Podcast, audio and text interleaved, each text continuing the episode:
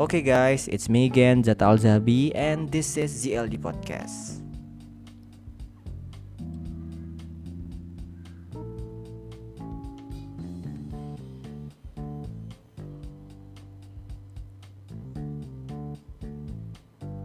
Oke, langsung nih Kita mulai Gimana guys, what's up? Apa kabar? Seperti biasa, apa pun kesibukan kalian Di mana pun dan kapan pun kalian berada dan mendengarkan podcast gue ini Semoga kalian semua sehat Baik fisik, pikiran, dan juga batin ya.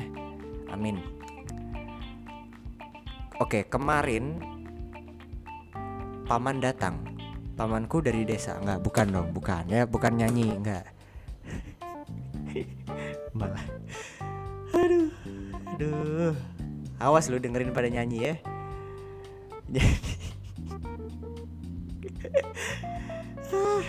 Kacau Saking bingungnya nih opening mau nyari eh, guyonan apa gitu Enggak tapi sesuai dengan pembahasan kita kali ini ya Hari ini kita akan membahas sesuatu yang fun, yang menyenangkan dan juga lucu ya. Kalau kemarin kita ngomongin sesuatu yang agak sedih gitu ya. Kegalauan dan kegabutan, kesedihan dan kebosanan dari perspektif yang unusual, yang tidak biasa dari seorang filsuf Arthur Schopenhauer tuh. Ternyata lumayan banyak juga kalian yang impress dengan episode kemarin ya. Lumayan banyak dari kalian yang ya berkenan untuk mendengarkan karena mungkin kita semua ya termasuk gue pernah merasakan galau dan gabut itu ya kalau bahasa anak muda ya dari sudut pandang filosofis. Oke, untuk episode kali ini gue akan bicara tentang sesuatu yang fun tadi seperti gue bilang lucu lawak lah ya. Kalau biasanya disebut sekarang tuh di medsos-medsos lawak gitu ah lawak lu apaan sih? gitu. Bercanda lu ya. Banyak banget juga akun-akun di IG yang gue lihat dengan awalannya itu namanya lawak gitu misalnya. Lawak apa gitu. Jadi isinya video-video lucu nggak orang bikin jokes-jokes yang cringe gitu misalnya. Jadi kita akan membahas tentang kelucuan atau humor ya kita berangkat dari satu kata dulu lucu. Sesuatu yang lucu umumnya menimbulkan tawa ya kan? Nah tawa ini ternyata kalau kita ngomongin tertawa nih ngakak nih ya. Kalau bahasa medsos sekarang WK WK WK gitu ya. Kalau di WA di IG di mana pun pasti kalau ketahuan nulisnya ngetiknya WA WA kan salah ngomong gue kan? WK WK WK gitu. Jadi aduh WK WK WK lucu sekali aduh kamu lucu banget WK WK WK gitu pasti. Jarang udah hahaha itu udah kayak jarang banget sekarang kebanyakan gak tau kenapa WK WK WK itu sangat mengindonesia gitu ya. Bukan mendunia tapi mengindonesia. Ternyata guys ternyata konsep tawa atau kelucuan ini ada salah satu tokoh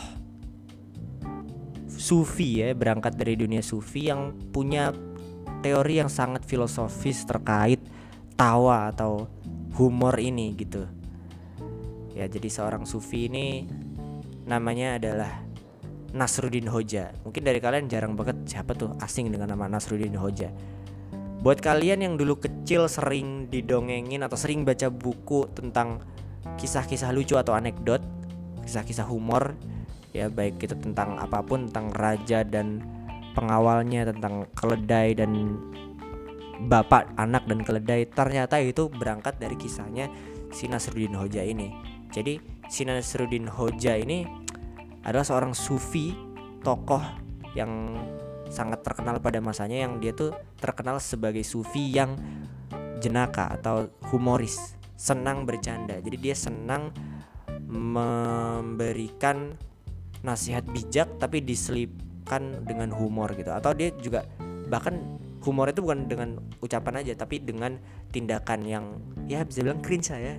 Ini apa sih nih orang nih lucu nih ngelawak bercanda. Tapi dibalik tindakan lucunya itu dibalik tindakan cringe-nya dia itu itu menyimpan nasihat yang sangat filosofis gitu guys. Oke, pertama-tama kita berkenalan dulu dengan siapa sih Nasruddin Hoja ini buat teman-teman yang masih asing gitu ya. Jadi beliau Nasruddin Hoja tadi ya seorang sufi, dia dari dinasti Seljuk. Dinasti Seljuk itu salah satu dinasti yang dinasti Islam yang cukup besar pengaruhnya di Turki. Kalau sekarang namanya Turki ya dulu namanya wilayah Andalusia yang eksis pada abad ke-13 ya abad ke-13 Masehi. Beliau dikenal sebagai sufi yang humoris ya jadi tadi ya suka ngelucu. Jadi nasihatnya itu tidak hanya nggak serius mulu gitu. Jadi sering memberikan humor kepada murid-muridnya kepada masyarakat gitu ya. Dan itu yang membuat beliau ini banyak pengikut dan banyak muridnya banyak orang yang nyaman dengan beliau karena ya itu tadi karena beliau senang sekali bercanda gitu. Orangnya santai dalam menyampaikan dakwah menyampaikan ajaran-ajaran agama menyampaikan nasihat itu tidak kaku gitu loh guys. Santai kan sama kalau sekarang kan ada ustadz yang lucu itu justru banyak yang senang sama ustadz itu karena santai nggak menggurui diselipi dengan bercanda-bercanda dan humor-humor gitu. Nah beliau ini Nasruddin Hoja ini orangnya humoris banget lah. Ada banyak ya kisah-kisah lucu tentang beliau itu yang ya ditulis dalam buku-buku cerita lucu tadi seperti yang gue bilang di awal tadi. Jadi beliau ini cerdas, kalau dibilang cerdas cerdas, bijak bijak juga, bijaksana sekali, bijaksana banget malah. Tapi beliau kadang menunjukkan sikap seperti orang dungu itu ya, semata-mata untuk menyenangkan orang lain, menyenangkan orang-orang di sekitarnya. Kayak ngeliat, ih Nasruddin ngapain sih? Kayak orang masa uh, sufi kelakuannya kayak gitu misalnya filsuf kok kelakuannya kayak gitu. Itu semata-mata ya untuk menyenangkan orang orang lain karena ada yang tertawa juga. Supaya orang lain itu mendeng melihat sosok Nasruddin ini nggak terlalu berat-berat amat gitu loh nggak terlalu berlebihan. Ya udahlah santai aja gue juga suka bercanda kok gitu loh maksudnya. Kayak misalnya ada salah satu kisah tuh ya gue baca di salah satu literatur Nasruddin Hoja ini pernah dia mem membawa murid-muridnya kayak berjalan gitu. Karena punya beberapa murid beliau ini. Waktu itu muridnya salah satu muridnya ada yang minta minta dikasih pencerahan. Tapi dia tuh bosen di tempat biasa gitu. Kayak misalnya kalau di kita tuh kayak bosen di kelas mulu nih. Belajar kajian ngajinya di kelas mulu dalam ruangan. Terus ada salah satu muridnya yang bilang guru gitu. Kalau dia dulu guru gitu ya syekh gitu kalau bahasa Arab kan. Guru gitu. Kalau nggak pak sekali-kali kita keluar lah pak. Jalan-jalan gitu biar nggak bosen nih di kelas mulu. Teman-temannya juga akhirnya menyetujui gitu pada ngikut. Oh iya bener juga tuh pak. Iya bosen pak bosen. Saya bosen guru gitu. Di sini mulu gitu misalnya. Di rumah guru mulu ngajinya. Sekali-kali keluar. Oh kalian mau keluar? Ya udah yuk keluar. Nah akhirnya si Nasruddin Hoja ini kan dia punya keledai sebagai kendaraannya keledai itu selain unta selain kuda pada zaman dulu kalau orang Arab itu pakainya keledai. Ya keledai kuda unta pasti pakai hewan. Terus naik keledai si Nasruddin Hoji ini tapi muridnya disuruh jalan kaki. Nah ini muridnya awal-awal udah ada yang suzon duluan gitu istilahnya ya. Udah dongkol duluan kayak wah nih guru nih. Mau ngerjain kita nih kayaknya guys gitu. Masa ya, duh dia nih ibaratnya kalau sekarang tuh gurunya naik motor muridnya sudah jalan kaki gitu kan kita pasti agak kesel kan kalau ada guru kayak gitu. Wah nih pak ini ngerjain nih suruh jalan-jalan kita jalan kaki dia malah naik motor gitu. Nah itu sama tuh Nasruddin Hoja naik keledai cuman dia uniknya anehnya dia naik keledai itu madep belakang gitu. Jadi kayak bocil yang dibonceng emaknya yang itu loh guys yang tapi ngadepnya belakang buat ngeledek temennya tau kan jadi jadi ngadepnya belakang bukan ngadep ke depan. Jadi ya ngad apa ke arah pantat keledai gitu jadi aneh kan muridnya makin heran. Nih guru kita makin aneh aja nih sumpah. Itu ngapain juga jalan pelan. Awalnya muridnya nggak ada yang berani negor kan gurunya kan masih agak sopan gitu. Lama-lama kan lewat ngelewatin orang lewatin kerumunan orang gitu dilihatin itu si Nasruddin sama muridnya lihat ya Allah itu punya guru kayak gitu masa naik keledai aja kebalik gitu. Itu ngapain sih itu? Dilihat sama orang di apa di awalnya ditegor sama orang gitu. Nasruddin ngapain sih kamu tuh? Malu-maluin depan murid lagi. Masa naik keledai balik gitu? Si Nasruddin diem aja nggak ditanggepin. Makin banyak orang yang menghujat gitu. Uh kamu nih malu-maluin katanya sufi katanya ustadz katanya guru masa naik kelakuan kayak gitu naik keledai kebalik gitu. Oh, malu-maluin kamu makin banyak orang yang menghujat akhirnya salah satu muridnya nggak tahan gitu. Dengan segala hormat dia ngomong si muridnya itu guru gitu pak mohon maaf nih pak. Saya dengan segala hormat pak. Bukan termasuk termasuk menyinggung gitu. Iya kenapa? gitu kata Nasruddin Hoja. Tapi kalau mulutnya didengerin sama Nasruddin Hoja ini iya kenapa muridku?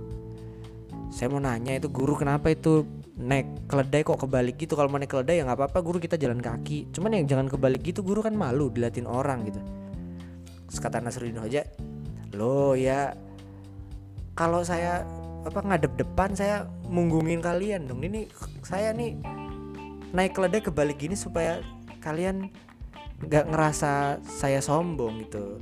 Saya menghargai kalian jadi saya bisa memperhatikan kalian. Ter ada yang hilang kan nggak tahu gitu misalnya ada yang mau istirahat kencing atau sebagainya kan nggak tahu misalnya. Ada yang capek tinggal bilang saya bisa ngeliat kalian langsung. Kalau saya ngadep depan kan saya nggak bisa ngeliat kalian gitu. Waduh ternyata begitu maksudnya guys ya. Luar biasa kan jadi karena si Nasruddin Hoja ini nggak mau muridnya ngerasa dia lebih hebat gitu. Jadi dia ngadep ke muridnya meskipun terlihat bodoh di mata orang lain cuman itu bentuk cara Nasruddin Hoja dalam menghargai muridnya gitu. Wah guru kita nih ada-ada aja nggak kepikiran kan nggak kepikiran loh. Kalau masalah mau menghargai ya sekalian aja jalan kaki bareng nggak usah naik keledai. Kan gitu ya kalau pemikiran kita ya. Kalau gue juga gitu. Ya udah ngapain naik keledai sih gitu. Kayak orang kayak orang bodoh juga. Jadi padahal beliau ini cerdas orangnya. Bijak. Wawasannya luas tapi tindakannya suka kayak orang bodoh. Suka kayak kadang orang-orang suka tertawa dengan kisahnya Nasruddin Hoja ini cerdas dan bijaksana tapi di satu sisi juga humoris lucu dan seperti orang dungu gitu ya. Seperti orang tolol padahal aslinya cerdas. Bagi beliau ya karena Nasruddin Hoja ini suka bercanda tadi ya suka lawak tadi ya. Naik keledai kebalik lah. Karena bagi beliau ini hidup di dunia itu harus dijalani dengan santai. Udah santai aja kata Nasruddin Hoja kayak gak usah terlalu serius karena kalau kita terlalu serius jadinya kita nggak nggak enjoy menjalani hidup. Jadi santai aja apa apa tuh dibawa santai. Ada orang ngehina ya biasa aja. Kayak tadi beliau misalnya dihujat sama orang lain depan murid-muridnya beliau santai aja nggak pernah ngebales. Nggak pernah saya ini guru loh ini murid-murid saya jangan macam-macam kamu. Saya ini Nasruddin Hoja nggak pernah. Nggak pernah tersinggung beliau. Diledek orang gimana juga cuek aja. Ah Nasruddin Hoja malu-maluin katanya guru. Masa naik ledek kebalik? Tolol misalnya goblok misalnya kalau bahasa kasarnya begitu. Biasa aja dia diem aja. Tapi muridnya yang nanya muridnya yang sopan pasti diladenin gitu kan. Jadi ahlaknya beliau itu luar biasa karena karena beliau sangat humoris jadi beliau ini nggak baperan gitu dengan hujatan atau hinaan orang lain gitu terhadap beliau. Kayak nggak usah terlalu serius lah karena kalau gue perhatiin kenapa sekarang kita ini hidup ini banyak banyak konflik gitu ya. Ya karena kita terlalu serius menghadapi segala sesuatu gitu. Orang bercanda kitanya serius jadinya tersinggung. Jadi dilaporin undang-undang ITE pencemaran nama baik padahal niatnya bercanda ya. Namanya bercanda kok. Bercanda itu yang kadang memang sifatnya mungkin agak ngeledek gitu ya. Misalnya mulai dari fisik apa pemikiran segala macem. Tapi kan bercanda nggak serius. Jadi ya kita harus bisa membedakan gitu. Misalnya gue uh, pernah dulu di SMA tuh teman-teman gue nih yang udah akrab udah deket lah ya. Manggil sebutan gue itu bukan manggil nama gue bukan manggil Zata gitu bukan. Karena waktu itu kan udah akrab lah udah deket gitu. Udah sering nongkrong dan main bareng. Gue dipanggil dengan sebutan yang agak ya aneh gitu kayak alien gitu guys. Tau alien kan guys? Makhluk asing gitu ya. Tau pikiran kita kan alien itu yang makan otak gitu. Yang kepalanya gede ke belakang. Nah iya itu maksudnya. Jadi karena waktu itu uh, gue tuh adalah tipe siswa waktu SMA sama SMP itu topi itu nggak ada yang muat di kepala gue adapun yang muat tuh yang ukurannya paling gede gitu. Jadi karena kepala gue oversize gitu ya kepala gue terlalu gede jadi gue dipanggil alien sama teman-teman gue ya maksudnya alien yang di film-film itu loh yang kepalanya gede ke belakang gitu. Nah, itu maksudnya itu. Tapi ya apakah gue tersinggung? Ya enggak lah. Kan itu teman-teman gue yang udah akrab gitu yang manggil. Terus toh mereka manggil itu juga dalam kondisi bercanda dan cengangas cengenges gitu ya. Kalau gue terlalu serius ya bisa aja itu pencemaran nama baik gitu. Cuman ya gue biasa aja ya, emang dan bener juga emang pala gue gede. Terus ya udah ya sambil ketawa-ketawa aja. Toh ketika mereka ngehina gue balas juga dengan bercandaan lain gitu. Mereka menghina dalam konteks bercanda ya. Ah berisik alien gitu. Misalnya gue terus gue balas dengan manggil nama bapaknya apaan sih Saipul? Berisik lu gitu. Tapi itu bercanda. Ya. jadi intinya jangan terlalu serius guys Gue gue di Indonesia ini sekarang dikit-dikit pelawak gitu ya. Udah tau pelawak loh pelawak dilaporin Komnas HAM pencemaran nama baik undang-undang ITE terlalu serius gitu. Udah tau pelawak ya tugasnya bercanda menghibur orang lain. Kok pelawak disuruh serius? Pelawak disuruh bercanda. Kan an disuruh nggak boleh bercanda. Kan aneh. Pelawak diminta sesuatu yang serius tuh aneh. Orang pelawak kok. Tugas mereka adalah memberikan humor membuat orang lain tertawa. Jadi ya dan dengan berbagai cara kan dengan omongan atau dengan cerita pengalaman atau bisa dengan dengan ngeledek orang lain. Nah itu kan tapi bercanda ya. Dalam konteks bercanda ya nggak apa nggak masalah sebetulnya ya. Kecuali orang yang bersangkutan tersinggung gitu misalnya ya sudah. Tapi ini anehnya tuh orang yang bersangkutan nggak tersinggung cuman dilaporin. Ada suatu pihak lain di luar mereka gitu pihak ketiga yang melaporkan oh ini pelawak kok. Pencemaran nama baik. Tuh kan aneh orang dia bercanda namanya dia kerja kan nyari nyari duit namanya pelawak ya bercanda lah. Kalau nggak bercanda bukan pelawak namanya. Ilmuwan kalau serius cari serius cari ilmuwan. Nah ini Nasruddin Hoja seorang ilmuwan gitu guru gitu ya yang berkompeten dalam sufi filsafat filosofinya luar biasa aja bercanda ya. Jadi menurut Nasruddin Hoja dalam menjalani hidup manusia harus mengambil pelajaran sebanyak-banyaknya ya. Ini poin kedua nih hikmah dalam hidup menurut seorang Nasruddin Hoja. Kita berhikmah iya ya. Ngambil ilmu iya, belajar iya, cuman jangan terlalu serius, kata Nasruddin Hoja. Biasa aja.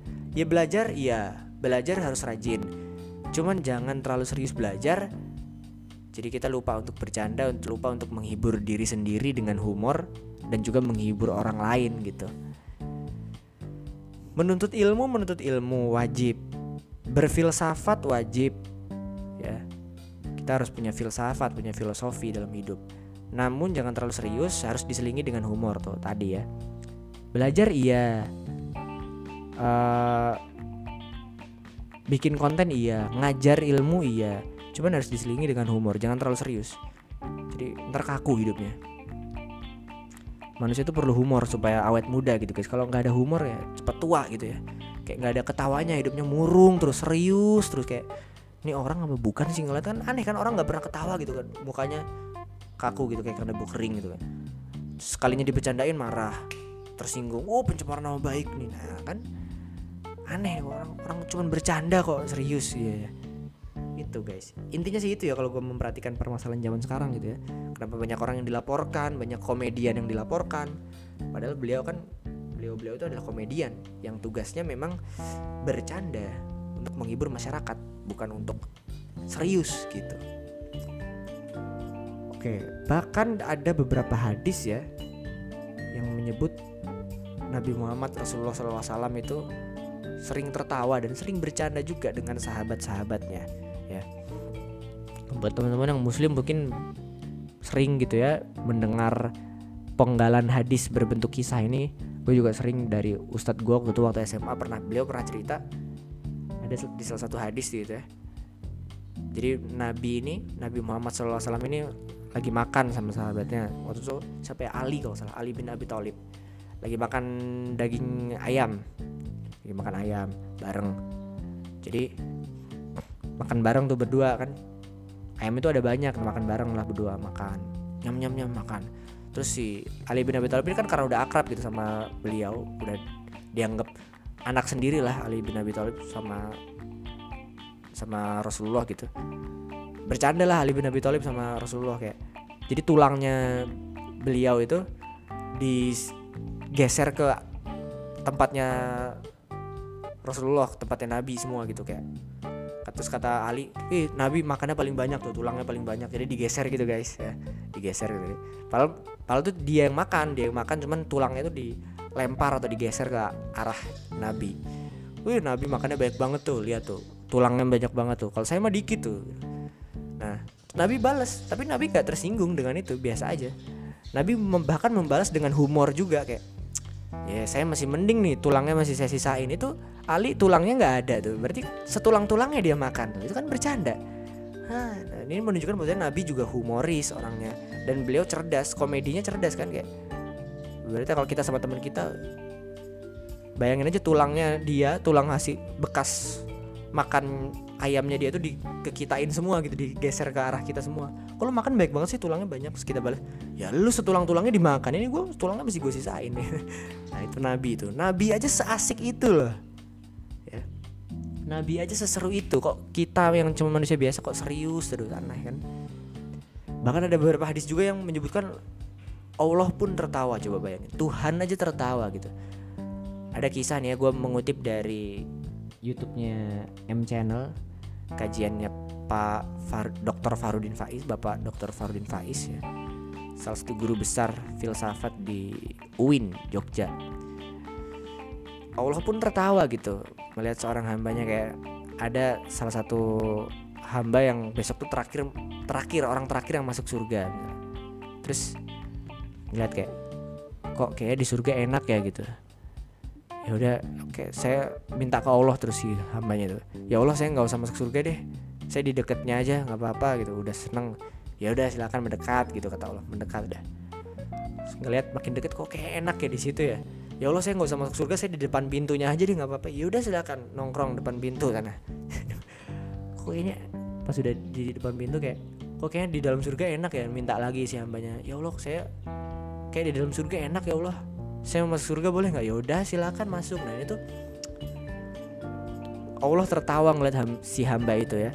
Meskipun definisi Allah tertawa ini nanti ada perbedaan pendapat juga di kalangan para ulama ada yang memperdebatkan kisah itu juga kebenarannya gitu ya ya tapi intinya memang hidup ini perlu tertawa perlu humor gitu ya bahkan Nabi aja tadi bercanda sering bercanda dengan sahabat-sahabatnya. Nabi nggak serius terus, nggak dakwah terus nggak fikih terus. Ini hukumnya halal, ini haram, ini nggak boleh, ini nggak nggak gitu. Nabi sering bercanda, sering sharing bareng sama sahabatnya. Nabi itu tipe orang yang uh, asik gitu, diajak diskusi itu kayak diajak curhat tuh asik. Ketika ada sahabat yang punya masalah, curhat ke Nabi itu betah berlama-lama berjam-jam itu betah.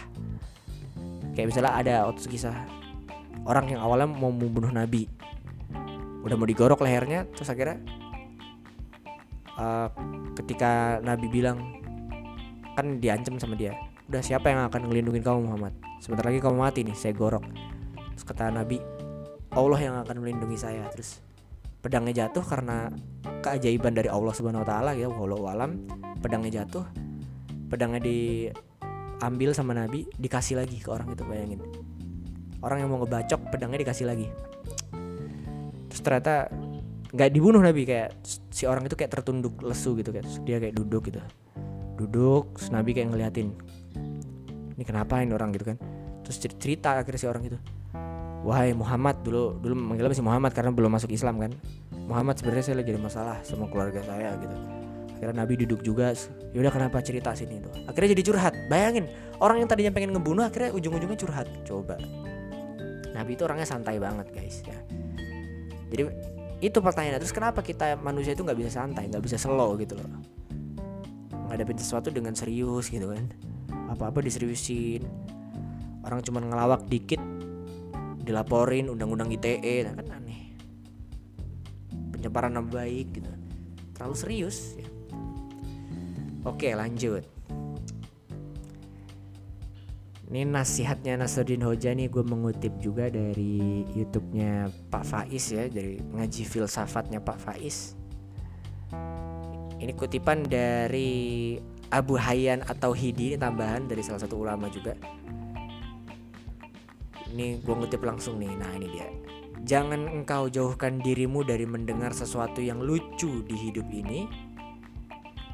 Karena bagi beliau ya kita manusia terutama muslim nggak apa-apa sekali-kali uh, menonton atau mendengar hal-hal lucu untuk menghibur diri jadi nggak masalah silahkan ngelawak silahkan bercanda sama teman kita asalkan itu nggak menjauhkan kita nggak lupa sama kewajiban kita terhadap Tuhan terhadap orang lain. Nggak masalah. Silahkan bercanda. Kita nonton video-video lucu di YouTube nggak masalah. Kalau sekarang kan zaman medsos gitu nggak apa-apa. Silahkan untuk menghibur diri ya. Sekali-sekali ya jangan terlalu sering. Karena katanya Abu Hayyan atau Hidi karena hidup ini lucu banyak sekali kejadian-kejadian lucu yang terjadi dalam hidup kita. Banyak banget kayak apa misalnya? Sebenarnya kalau kita sikapi dengan positif itu segala sesuatu tuh lucu loh guys. Apa ya yang lucu? Uh, dulu kayaknya ke mantan itu sayang banget misalnya. Tiap malam WA udah tidur belum? Udah makan belum? Ya dulu PDKT kayak mati-matian gitu ya. Beliin makanan beliin coklat segala macem Enggak, ini bukan curhat ya. Awas loh ya. Ini ini ini bukan curhat, enggak. Ini ini contoh ya, contoh. Bukan bukan curhat ya. Mohon maaf, bukan. Dulu kayak mati-matian gitu, bucin banget. Bela-belain bangun pagi cuman cuman pengen bilang good morning ya nah, misalnya bucin nih kok sekarang pas sudah putus kok kayak orang nggak saling kenal gitu kok malah saling benci saling bongkar aib nah itu kan lucu ya kan dulunya cinta-cintaan dulunya suka-sukaan sekarang jadi kayak malah saling membongkar aib itu kan lucu apalagi misalnya kalau dunia mahasiswa apa ya ngambek sama dosen itu kan lucu ya. Dosen misalnya ngasih nilai kita jelek E misalnya. Ngambek sama dosen wah gue kesel banget sama pak ini masa gue dikasih nilai E? Padahal kita tahu kita nggak belajar misalnya. Jawab soalnya juga asal-asalan misalnya. Jawab ujiannya asal-asalan jarang masuk misalnya. Gue nggak lulus lagi kampret nih pak ini misalnya. Lalu jarang masuk lu nggak pernah ngerjain tugas kan lucu kan? Sebenarnya lucu cuman kitanya aja nyikapinya terlalu serius. Gitu ya. Kalau cowok-cowok mungkin pernah naksir sama cewek yang sama tadinya teman satu tongkrongan akrab banget terus sekarang jadi berantem gitu misalnya jadi gontok-gontokan. Lu suka sama si ini ya? Lu jangan gitu dong jangan nikung gua. Ngapain nikung? Orang gua duluan. Enggak gua duluan itu berantem akhirnya ngambek nggak mau natap muka saling buang muka pukul-pukulan tonjok-tonjokan. Itu kan sebenarnya lucu. Lo ini temenan cuman gara-gara perempuan jadi tonjok-tonjokan. Kan lucu sebenarnya. Masalahnya adalah kita menyikapinya terlalu serius ya. Makanya kita nggak bisa ketawa nggak bisa melihat kelucuan yang sebenarnya terjadi setiap hari dalam hidup kita. Ini dari Abu Hayyan atau Hidi nih ya. Gue menambahkan kutipan Apabila engkau tidak mampu melihat sesuatu yang lucu dalam hidupmu, maka dirimu kurang peka terhadap hidupmu. Nah, itu. Jadi kalau kita nggak bisa melihat sesuatu yang lucu dalam hidup kita, artinya kita kurang peka.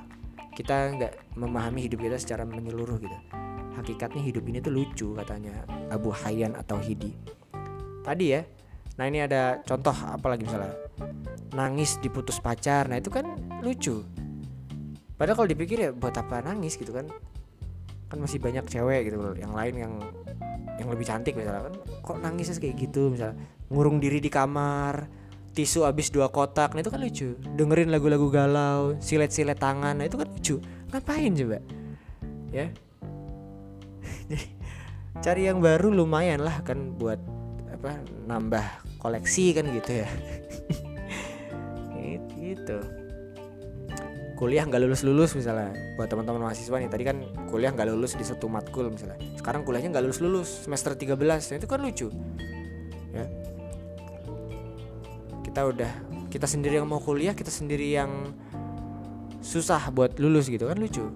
Udah terancam do baru serius kuliahnya. Apalagi kalau kita ngelihat dunia politik gitu ya peristiwa-peristiwa politik itu lebih lucu lagi gitu ya. Itu apa gitu? Saling fitnah saling merendahkan gitu ya. Saling serang untuk dapat kekuasaan apalagi ntar nih 2024 pilpres pasti banyak tuh yang saling serang saling padahal intinya juga semuanya pengen dapat kekuasaan intinya itu. Pengen dapat uang banyak udah intinya itu. Kampanye kan jangan pilih kubu ini jangan pilih nomor ini jangan pilih bapak ini bapak ini itu orangnya gini gini gini kalau tidur merem misalnya. Ya iyalah tidur merem orang tidur melek emang ikan gitu misalnya kan kita gitu budaya politik kita masih sakit gitu ya. Masih saling fitnah saling serang. Iya. untuk mendapatkan kekuasaan nah, itu sebenarnya lucu. Jadi masyarakat ini kita yang bingung ini yang bener yang mana nih? Kita yang dibego-begoin gitu sama politisi.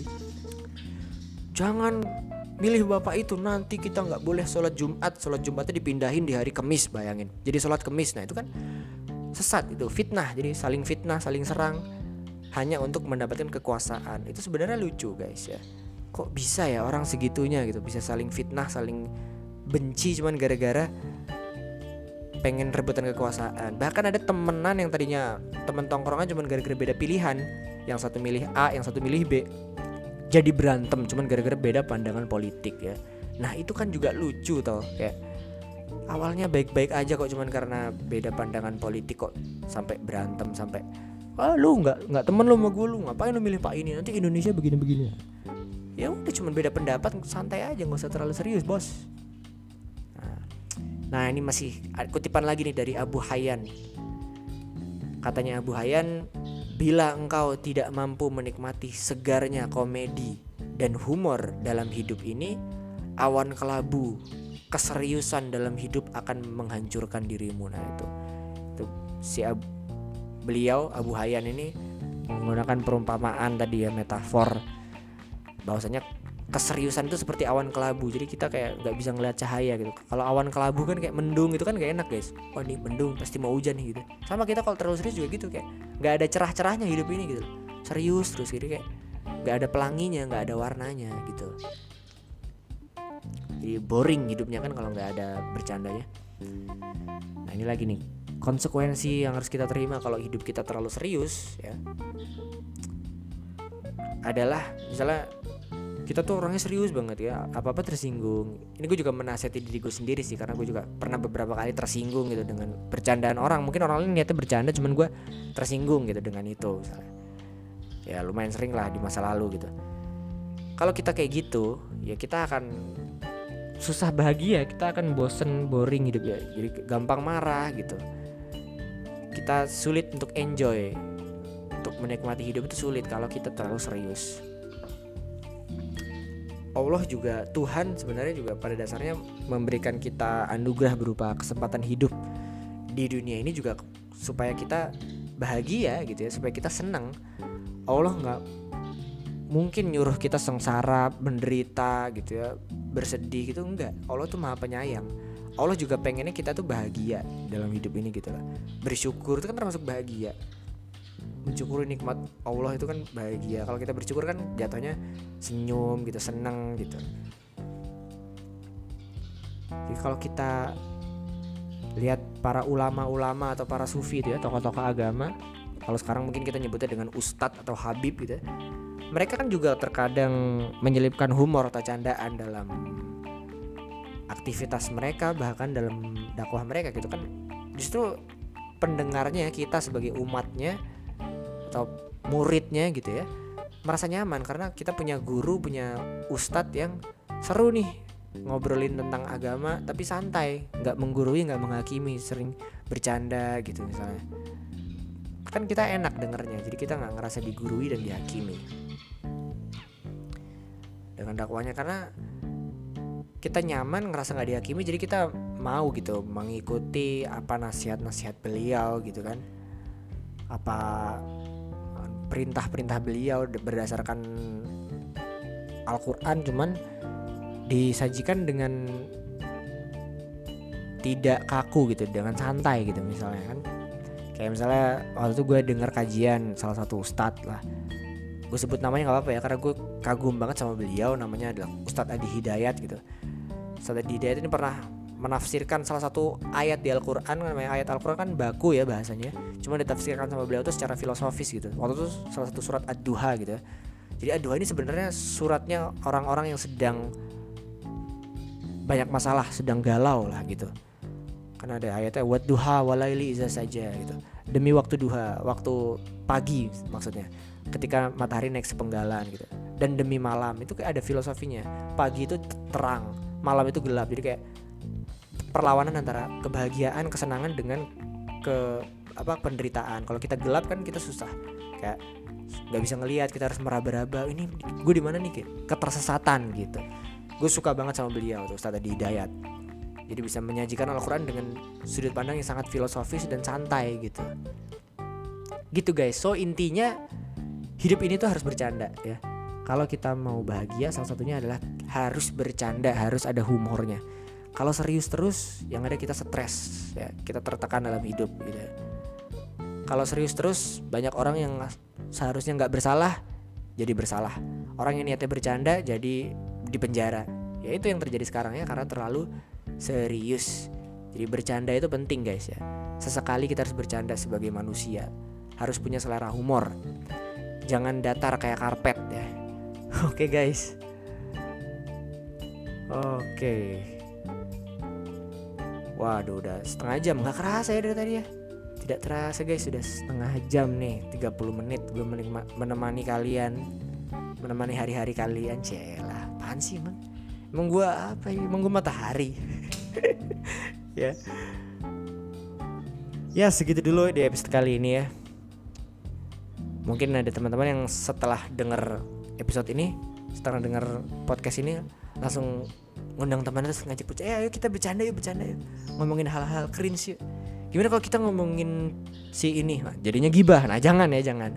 Kita ngomongin kelucuan yang ada di teman-teman situ aja. Lu kan dulu pernah berak di celana misalnya. Iya lu berak di celana udah gitu tainya lu peper ke tembok lagi nih misalnya gitu. Itu kan lucu ya, ya udah bercanda aja intinya. Kalau kata warkop DKI tertawalah sebelum tertawa itu dilarang. Yo gitu guys ya the philosophy of humor oke okay guys nanti akan ketemu lagi lah di episode berikutnya yang lebih seru dan lebih menarik pastinya. Terima kasih banyak buat kalian semua yang sudah mendengarkan episode kali ini dari awal sampai akhir. Semoga bisa menjadikan kita sosok manusia yang lebih humoris, lebih santai lagi dalam menjalani hidup, termasuk gue juga ya supaya gue bisa lebih membuat orang lain tertawa daripada bikin orang lain sedih bikin orang lain kesel mendingan bikin orang lain tertawa dengan jokes jokes kita yang kadang cringe gitu ya. Oke okay guys. Sampai sini dulu perjumpaan kita kali ini. Terima kasih banyak. Sampai ketemu di episode berikutnya. Bye. Dadah. Kasih guys. Thank you thank you.